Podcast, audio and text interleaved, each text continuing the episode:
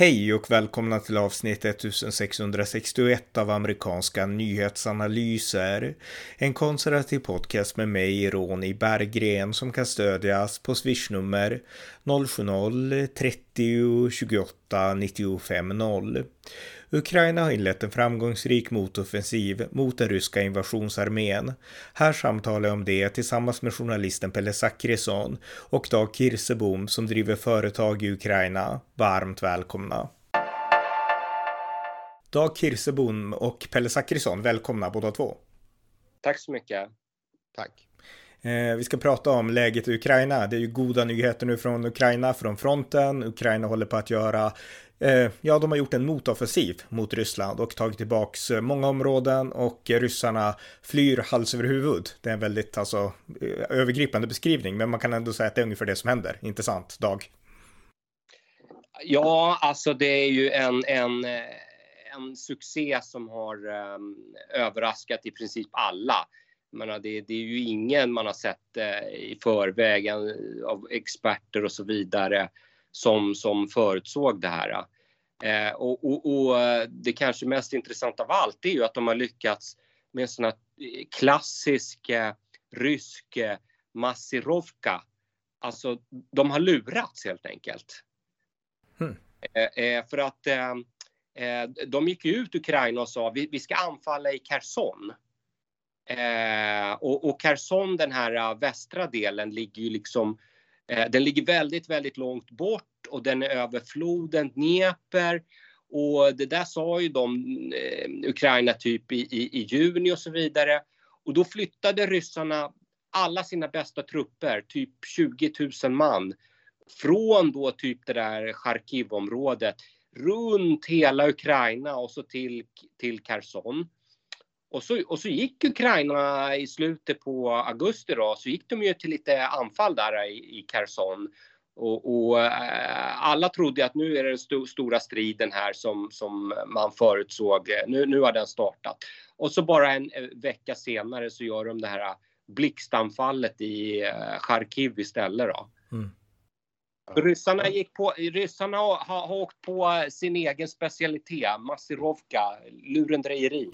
Ja, och man ska säga geografiskt så är ju eh, Charkiv ligger ju längre norrut och eh, Cherson söderut. Och, och sen när, när, eh, när Ukra det ukrainarna lyckades göra, där kan ju du bättre idag, men det att man lyckades ju helt kringsku, kringskära ryssarna uppe och man kapade av transportlederna och så har man ju bombat sönder broar även nere i Kherson. Så att eh, rysk, ryssarnas ehm, eh, transportleder och framförallt uppe vid, i Kharkiv-området, man kapade av de här transportlederna in för ryssarna så att de var ju helt eh, av, avskurna så att det var bara för dem att fly hals över huvud. Mm. Ja, det är otroligt. Och många trodde ju inte ens, alltså det var ju prat tidigare i sommar ska Ukraina göra liksom ett, en desperat offensiv. Därför att man bedömde och bedömer väl fortfarande att om ingenting görs innan vintern då kommer det att vara stiltje liksom i ett halvår tills det blir vår igen. Och eh, många visste inte kommer, kommer de att försöka och har de någon chans och sådär? Men alltså allt har gått över förväntan. Så att det här är ju det är positivt, det är fantastiskt. En indikator på att det verkligen går bra det är ju att nu har Tyskland som är, har verkligen varit fega och släpat eh, fötterna efter sig. Nu har Tyskland bestämt sig för att de plötsligt har ytterligare militära resurser att skicka till, till eh, Ukraina. Det kommer besked om det här idag och det, det tänker jag då är det som en indikator på att eh, det att om Tyskland ser att eh, Ukraina är på väg att eh, kanske gå segrande ur det här, då, då, då är de beredda att eh, välja sida. Det är mm. fegt, men, men det är faktiskt någonting man kan dra en, en slutsats av. Ja, det är otroligt bra. Sen har vi sett också alla fruktansvärda, alltså det, det ukrainarna upptäckt, det är ju fruktansvärda saker. Alltså det var ju mycket prat om Butja för några månader sedan där ryssarna hade avrättat ukrainare. Nu har man hittat tortyrkammare i östra Ukraina och det är liksom fruktansvärda saker. Alltså de har verkligen uppträtt barbariskt, ryssarna. Ja, jag, eh, jag tänker en, en del på det här med Mariupol och hur eh, den staden eh, egentligen ehm, dagligen utsattes för de här fruktansvärda bombningarna och, och den här totala attackerna och hur tappra ukrainare stod emot. och jag, jag, jag, kan inte låta bli att tänka på vad hade hänt om NATO eller väst då hade upprättat en, en flygzon över Ukraina? Hade, hade det lett till att eh, man hade kunnat undvika de här eh, folkbrott, alltså folkmorden, eh, de här krigs, krigsbrotten? Ja, har du något? Ja, men, mm. ja, alltså, eh, eh, eh, eh sveket i, i, ifrån eh, väst är ju, är ju liksom så, så, eh, så mycket större än det. Jag, det, det, det jag, jag, håller med dig Pelle. Men, men, men det här om du tittar lite geopolitiskt och sådär och tillbaks i tiden. Det började ju med att Bill Clinton eh, pressade Ukraina med det här Budapest memorandum. Mm. Att, att, lämna över sina kärnvapen till Ryssland i utbyte med att Ryssland lovade att respektera deras gränser. Och, och sen har du ju också George Bush som, som drev på eh, eh redan 2008 att Nato sa att Ukraina och Georgien kan få bli medlemmar i Nato. Det man kan, ja. händer det, det, ingenting på 14 år. Så, så på grund det, av Tyskland ska sägas. Ja, jag tänkte bara säga det här med Budapest Memorandum. Det handlar om, det var 92 tror jag, som, som man gjorde en, en förhandling i Budapest där eh, Ukraina gav upp sina kärnvapen mot eh, garantier från eh, Eh, Storbritannien, USA och eh, då även Ryssland eller om det var Sovjetunionen. Det var väl Ryssland vid det laget men att man gav upp mot säkerhetsgarantier från de här tre parterna om jag inte minns fel. För att, eh, och det innebar ju i praktiken, och det här har ju Zelensky refererat till under hela den här konflikten och sagt att ni lovade faktiskt att skydda oss för att vi gav upp våra kärnvapen. Och det är svårt att inte liksom hålla med om det. Ja, men fortsätt. Ja. Nej, nej, men precis. Och, och, det har ju på, på något sätt känner man ju då för, för liksom Boris Johnson som har va, va, va, varit så stark i sitt stöd. Men, men även få ge lite beröm då åt Biden-administrationen som ju har steppat upp där och då, de skickar ju mest vapen och så vidare. Så, så jag tror det ligger lite i bakgrunden där också. De har lite dåligt samvete för det där Budapest memorandum där de, de garanterade ju faktiskt Ukrainas gränser där. Men, men det, det är verkligen då eh, eh den som har något att, att, att skämmas för, det är ju Obama. För det mm. var ju när Obama var president som, som eh, Ryssland eh, tog eh, Krim och, eh, och, och, tog en del av Donbass. Eh, och det var ju väldigt lite och dessutom var väl Hillary, alltså Bill Clintons fru, var väl utrikesminister då. Mm. Och och, och, och, och, det var ju inte mycket eh, till motåtgärder vid, vid det tillfället. Och, och, till och med de, i praktiken eh, gav de ju liksom, han, han ville inte blanda sig in någonting där Obama, så det blev ju Tyskland och Frankrike som höll på där och skulle med, mäkla fred och det var de här Minsköverenskommelserna och så vidare. Och det, det, bara hör man ju liksom. Tyskland och Frankrike ska mäkla fred mellan ja. och ja, men och, och ty, hur, bra kommer det sluta? ja. och, Tyskland och, och Tyskland och Frankrike som eh, om det var 2000 säger om det var 2010, 2012 blockerade Ukrainas eh, försök att komma med i NATO. Mm. Eh, John McCain, en av dina hjältar, eh, Ronny, var ju en varm Ukrain, Ukraina-vän och eh, eh, anses än idag som eh, de håller honom väldigt högt i Ukraina. Han var ju dit och, och eh, besökte Majdan, över Majdan-torget. Eh, och då ställde sig Tyskland och Frankrike, eh, de var motståndare till att släppa in Ukraina i, i NATO. Ja, precis. Men, men jag tänkte om vi, om vi går tillbaka till liksom det som händer nu. Alltså, mm, ja. Det har vänt och uh, Ukraina håller verkligen på att ta tillbaka mark. Det, det, är ju inte över där, inte alls. Men det går ändå bättre för Ukraina än många hade trott. Och då är frågan, vad beror den här vändningen på? Och ett av de svaren, det är amerikanska vapen och inte minst de amerikanska HIMARS som USA har skickat. Amerikanskt, uh, ja, avancerat artilleri kan man väl säga. Uh, har ni någon tanke om liksom vad de här HIMARS har betytt för Ukraina? Nej, men det har ju betytt jättemycket och, och Pelle beskrev ju där hur de har träffat de här eh, eh, försörjningsleden och så vidare och broar och sånt. Men, men det, det, jag har fått intrycket av en, en, annan eh, mycket viktig grej som, som har kommit lite efter de här HIMARS som det inte har varit lika mycket i media om. Nu vet jag inte exakt hur, eh, eh vad den här förkortningen står för, men jag tror det är typ HAMAR eller någonting. Det är någon slags robotar som, som de skjuter på um, radaranläggningar. Och det där som USA då har gett till Ukraina. Och de har lyckats på något sätt få de där uh, eh, eh, eh, robotarna att sitta fast på vingarna på de här MIG-planen och eh, har skjutit, skjutit ner massa av de här uh, ryska radaranläggningarna. Och, och därmed så har, så har Ukraina lyckats komma tillbaks lite i den här luftstriden. Så, så, så de har börjat kunna bomba med, med sina plan då eh, eh, eh ryska eh, eh, eh, ledningscentraler och ammunitionsdepåer och så vidare, även med sina flyg. För att ryssarna har inte längre den här luftdominansen. Och det hör ju också ihop med det, de, de bombade några på Krim där, några flygplatser, så då har ju ryssarna fått flytta tillbaka sina flyg också längre bak. Mm.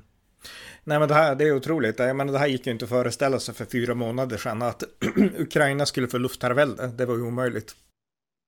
Det, ja. jag, om jag skulle leta en förklaring då är ju att man, man som jag förstått det så har man satsat mycket på att utbilda ukrainarna, den ukrainska militären i de här olika vapensystemen. För det är ju inte, det är ju inte så här att de flesta militära, alltså de flesta militära styrkor i världen använder ett eller två olika vapensystem.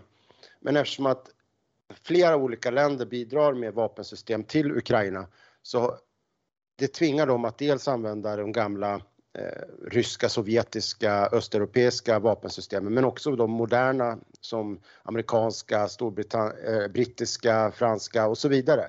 Så att de ukrainska styrkorna har, har då en liksom multikompetens och klarar av att använda alla de här olika systemen och dessutom få dem att fungera tillsammans. Mm. Och, och den här, det här att man har utbildat dem så att till exempel det här HIMARS-systemet, att de inte bara har fått HIMARS, för de hade kunnat skicka de här HIMARS-grejerna snabbt eh, till Ukraina, men att de får dem och att de också är väldigt kompetenta på att använda dem. Eh, det är, jag tror att det har en stor betydelse, men för att, för att Ukraina ska kunna besegra ryssarna, då är, ju, då är det väl helt centralt också att ukrainarna har en mycket högre, de är ju extremt motiverade, de, har, de är patriotiska, de älskar sitt land, de har ett mål och det är att driva ut ryssen ur Ukraina.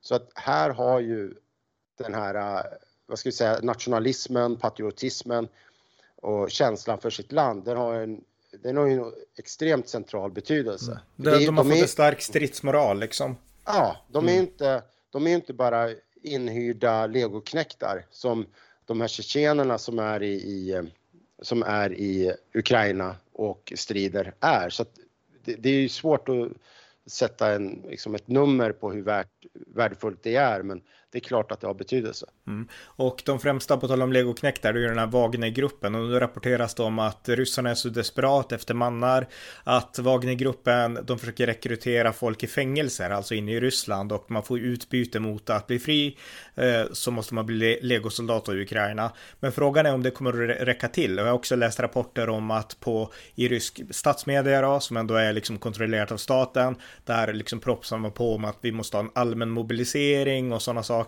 Och de flesta bedömare anser att det inte är realistiskt därför att då skulle Putin få den breda medelklassen mot sig och det vill han inte. Men, men alltså, ryssarna har ju fortfarande liksom en del otäcka möjligheter i, liksom i sin arsenal och det värsta är ju kärnvapen såklart. Men, men eh, alltså, man kan väl inte säga riktigt att det här är över än, bara för att det går bra för Ukraina. Nej, jag, jag, jag tycker det är, du, du har lite eh, rätt äh, analysangreppspunkt ehm, där. Att know thy enemy, alltså eh, försöka sätta sig in hur de tänker eh, för att kunna eh, ha, ha svar på det. Då. Och, och lite känns det, det, går ju väldigt bra för Ukraina nu. men från rysk synvinkel, vad de förmodligen kommer att försöka göra, det är att stabilisera de här ehm, stridslinjerna. Eh, eh, eh, kanske backa då lite mer än de är nu. Och, och sen som du sa där Ronny, sen, sen kommer ju vintern och det, det, det, då kommer det inte hända så mycket på sex månader. Och om de lyckas då, ryssarna, va, stabilisera läget någorlunda och sen så väntar de ut den här vintern. Och, och så kanske de kör då eh, mobilisering till våren. Eh, som du är inne på, det är väldigt riskfyllt för medelklassen vill inte skicka sina 18-åriga söner till det där kriget. Eh, eh, eh, men men det, det, det, är väl lite det som är, om man bortser från det här med kärnvapen och sådär då, då, mm. då, då är det lite det som är liksom Putins chans här va att, att eh, hålla ut till vintern och sen så liksom fylla på med, med fabrikerna ska, ska göra massa fler artillerigranater och, och sen mobilisering. Det, det, det, det är väl deras chans då ungefär. Och sen, att kunna Ja, precis. Och sen kan vi säga också att det en, en annan del som de flesta bedömare är en del av Putins strategi. Hur han tänker det är att han räknar med att väst kommer i upp. Alltså vi kommer tröttna på att stödja Ukraina i synnerhet när det blir vinter. Därför att då kommer våra energipriser att liksom stiga på grund av att vi är så beroende i grund och botten av, av rysk gas och rysk olja och så. Så att eh, han räknar med helt enkelt att vi kommer bli trötta och trötta på att stödja Ukraina. Och när vi är trötta på att stödja Ukraina, för det vi pratade om Heimars nyss och det här andra som du nämnde Dag. När vi är trötta på att stödja, då kommer Ukraina bli ensamma igen och då kan Ryssland vinna. Så att det är lite det som Putin hoppas på. Och det innebär ju också att det är ännu viktigare än någonsin att fortsätta stödja Ukraina och att inte glömma bort Ukraina i den allmänna debatten. Tills det här är över och tills Putin verkligen är ute ur Ukraina. Mm. Ja, absolut. Ja, det ska bli lite spännande att se med Sveriges nya regering också. Jag hoppas de, de får upp det här på dagordningen med en gång. Mm. Ja, verkligen. Har du någon tanke om det, Pelle? Utrikespolitiken? ja, egentligen inte. Jag, det alla funderar kring det är väl när och om det här systemet, vapensystemet Archer eh, blir, eh, om, om det är någonting som Sverige kommer att skicka då till, till Ukraina, för det är någonting som Ukraina har efterfrågat. Då. Det är ju svenskt artilleri och jag tror Ulf Kristersson har pratat om det också, förespråkar det. Ja. Han, han, han, sa någon gång att vi borde skicka det i varje fall, så mm. får hoppas att han lever upp till det nu då.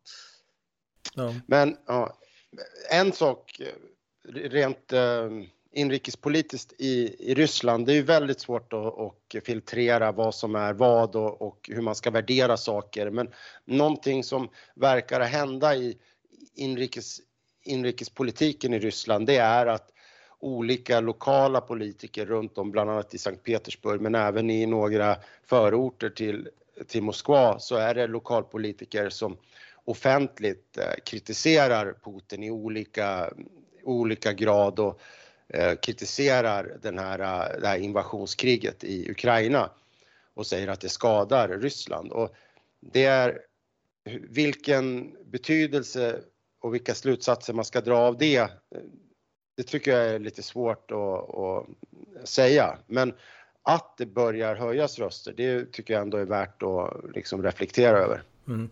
Ja, verkligen. Jag såg ett inslag om det var på SVT till och med när man pratade om alltså ryska mödrar och deras barn skickas till Ukraina och dött och de är jättearga på Putin såklart och att, att de här rösterna, de börjar nu växa i Ryssland. Mm, det, som sagt, jag tror att man ska undvika att önsketänka att, att en, ett ryskt folk ska vända sig mot, eh, mot Putin och, och störta honom eller att eh, liksom det ryska folket vill få slut på kriget i Ukraina. Men, men det är ändå värt att notera. Mm. Ja. Nej, nej, men eh, man kan alltid diskutera sannolikheter och sådär va. Eh, men, men, det vet vi av historien i Ryssland. När, när det går dåligt i krig, då, då kan det för, plötsligt bli väldigt illa för ledaren, tsaren eller, eller, eller eh, presidenten eller vad det nu är för någonting. Va? Så, så, så eh, det, det, var väl Hemingway som sa, eh, hur, hur gick du i konkurs? First gradually, then suddenly. Och det var lite med det här också. Det, det, alltså det, det, det, skulle kunna vara en kupp nästa vecka. Jag, jag, säger inte att jag tror det, men jag skulle inte bli jätteförvånad heller. Så, så det, det positiva scenariot finns ju där, där absolut som en möjlighet. Mm. Jag tänkte fråga dig idag, alltså du har ju varit, nu har vi inte pratat om det idag, men alltså vi har poddat tidigare och då har du varit på plats i Ukraina, nu är du inte kvar där. Men innan du reste, alltså kände du på något sätt av stämningarna, att man började känna mer hopp eller någonting? För jag menar, jag tror i alla fall att liksom den här motoffensiven hade börjat inledas redan då. Eh, inte, inte motoffensiven i Charkiv, nej, den hade inte inletts eh, när jag lämnade.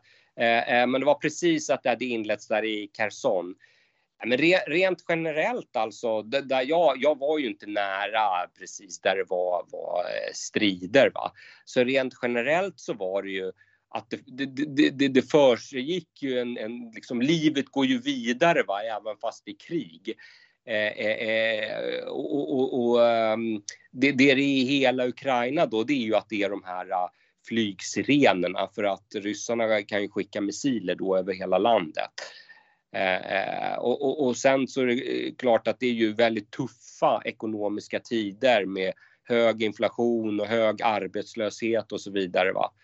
Eh, eh, men, men eh, stridsmoralen är hög liksom, och, det, det, och det är ju det vi har diskuterat Ronny tidigare att, att eh, de, de har ju blivit så sammansvetsade. Alltså det, det, det var ganska mycket interna konflikter tidigare och sådär. Men nu, nu är ju liksom alla är ju på samma sida i princip. Mm. Eh, jag tänkte vi skulle börja avrunda. Det här var bara liksom ett kort samtal om det här. Men eh, kontentan är ändå att Ukraina är på, de gör en motoffensiv och de har framgångar och ryssarna drivs tillbaka. Och i mångt och mycket så flyr ryssarna hals över huvud. Det betyder inte att det här är över, utan Putin kan säkert tänka att nu måste jag liksom slå tillbaka ännu hårdare. Så vi vet inte vad som kommer hända näst. Steg två är okänt fortfarande. Men stora framgångar just nu för Ukraina och det var många i Europa som inte trodde det. Det är många i Europa som på något sätt har, ja, liksom fjäskat för Ryssland också. Och eh, liksom våran lärdom här som vi måste dra det är att stödet till Ukraina måste fortsätta. Vi får inte glömma bort Ukraina i liksom den dagliga debatten. För jag tror att det blir lätt så. Alltså nu känner vi inte längre så vi kanske kände för ett halvår sedan att Ryssland är ett hot mot oss. Jag menar, jag minns att jag gick och kände så, alltså shit, kan det hända här också? Och så känner jag inte nu längre. Men det gör att då blir det lättare för oss att börja bara börja tänka på vårt eget igen för att vi har vårt på det torra. Och eh, den frestelsen måste vi stå emot. Vi måste liksom fortsätta komma ihåg Ukraina och liksom stå tillsammans med Ukraina tills det här är över. Ja, nej men, nej men det, det är ju just det som eh, det, där som esterna till exempel fattade.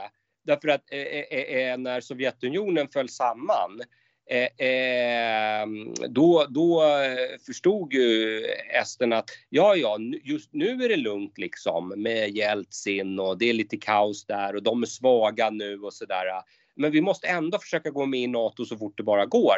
Därför att det, det, det, så som det är nu kan man ju inte veta om det är om 10 år, om 20 år. Mm. Eh, men det var ju det Ukraina då. De var inte lika snabba där, snabbtänkta som, som typ esterna och, och eh, ja, blev ju svikna också får man ju säga då som, som vi diskuterade tidigare. Eh, så, så, så, så, så jag, liksom, jag förväntar mig nästan att det kommer börja nu. Sos, sossar kommer börja säga nej men, nej men nu är ju kriget kanske inte så, det, det går ju inte så bra där för Ryssland. Vi kanske inte behöver vara med i NATO. Det, det, liksom, jag bara väntar mig att det ska börja komma sånt nu. Ja, men det finns ju, det finns ju geopolitiska argument rent egoistiskt för att eh, satsa på att eh, hjälpa Ukraina. De, Ukraina brukar ju kallas för Europas kornbod. Det är ju en extremt eh, sta, stor, eh, stor produktion av, eh, Eh, av, ehm, av säder. Det är ju, skördas ju väldigt mycket, väldigt bördiga åkrar och så vidare. Och vill, vill Europa, Sverige, eh, att verkligen att, eh, att den ryska regimen ska kontrollera, kontrollera de, de, de ukrainska skördarna. Och ja, det är klart att Sverige ska vara självförsörjande, men det, produktionen i Ukraina reglerar ju världsmarknaden, reglerar världspriserna på, eh, på havre, vete och så vidare. Och det påverkar ju, det påverkar ju hela världsekonomin. Och, så att det finns, rent egoistiskt så finns det förutom de rent moraliska och, och att man känner ett, eh, en gemenskap med ukrainska folket så finns det ju skäl att ställa sig bakom och hjälpa Ukraina och så kan man ju då se det här att det är ett sätt att, eh, få, att sätta stopp för en rysk, eh, offens geopolitisk offensiv. Mm. Så oavsett om man vill ha det här altruistiska perspektivet, vi mm. måste hjälpa för att rätt, eller om man vill ha ett mer egoistiskt perspektiv så är det oavsett, alltså motiv rätt att hjälpa Ukraina. Ja, ja nej men du kan aldrig, jag tror inte du kan sälja in det, det, det du ska inte försöka sälja in det som det här altruistiska, för det, det blir, hur ska du kunna förklara det för människor som kanske har svårt att sätta mat på bordet? Alltså, det är bättre att försöka förklara det att ja, men det blir bättre för dig i slutändan. Eller att det blir bra direkt av att ska vi få ner matpriserna i butiken, ja då är det bra att vi är där och hjälper till.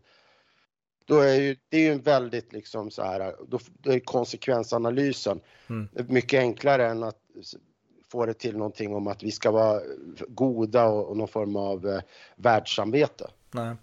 Ja, vad bra. Eh, har ni något mer ni vill tillägga? Annars tycker jag att vi avrundar så här. Inget mer. Inget mer? Inget, nej, okej. Nej, det mer. finns inget mer att säga? Nej, okej. Nej, nej, allt är sagt. Precis, ja. ja. men vi får, vi får ta, pr prata med er vid framtida tillfällen. Men då vill jag tacka så mycket för att ni deltog. Tack. Tack. Tack själv. Ni har lyssnat till amerikanska nyhetsanalyser, en konservativ podcast som ni gärna får stödja på swishnummer 070-30 28 95 0 eller via hemsidan på Paypal, Patreon eller bankkonto. Det var allt för idag. Tack för att ni har lyssnat.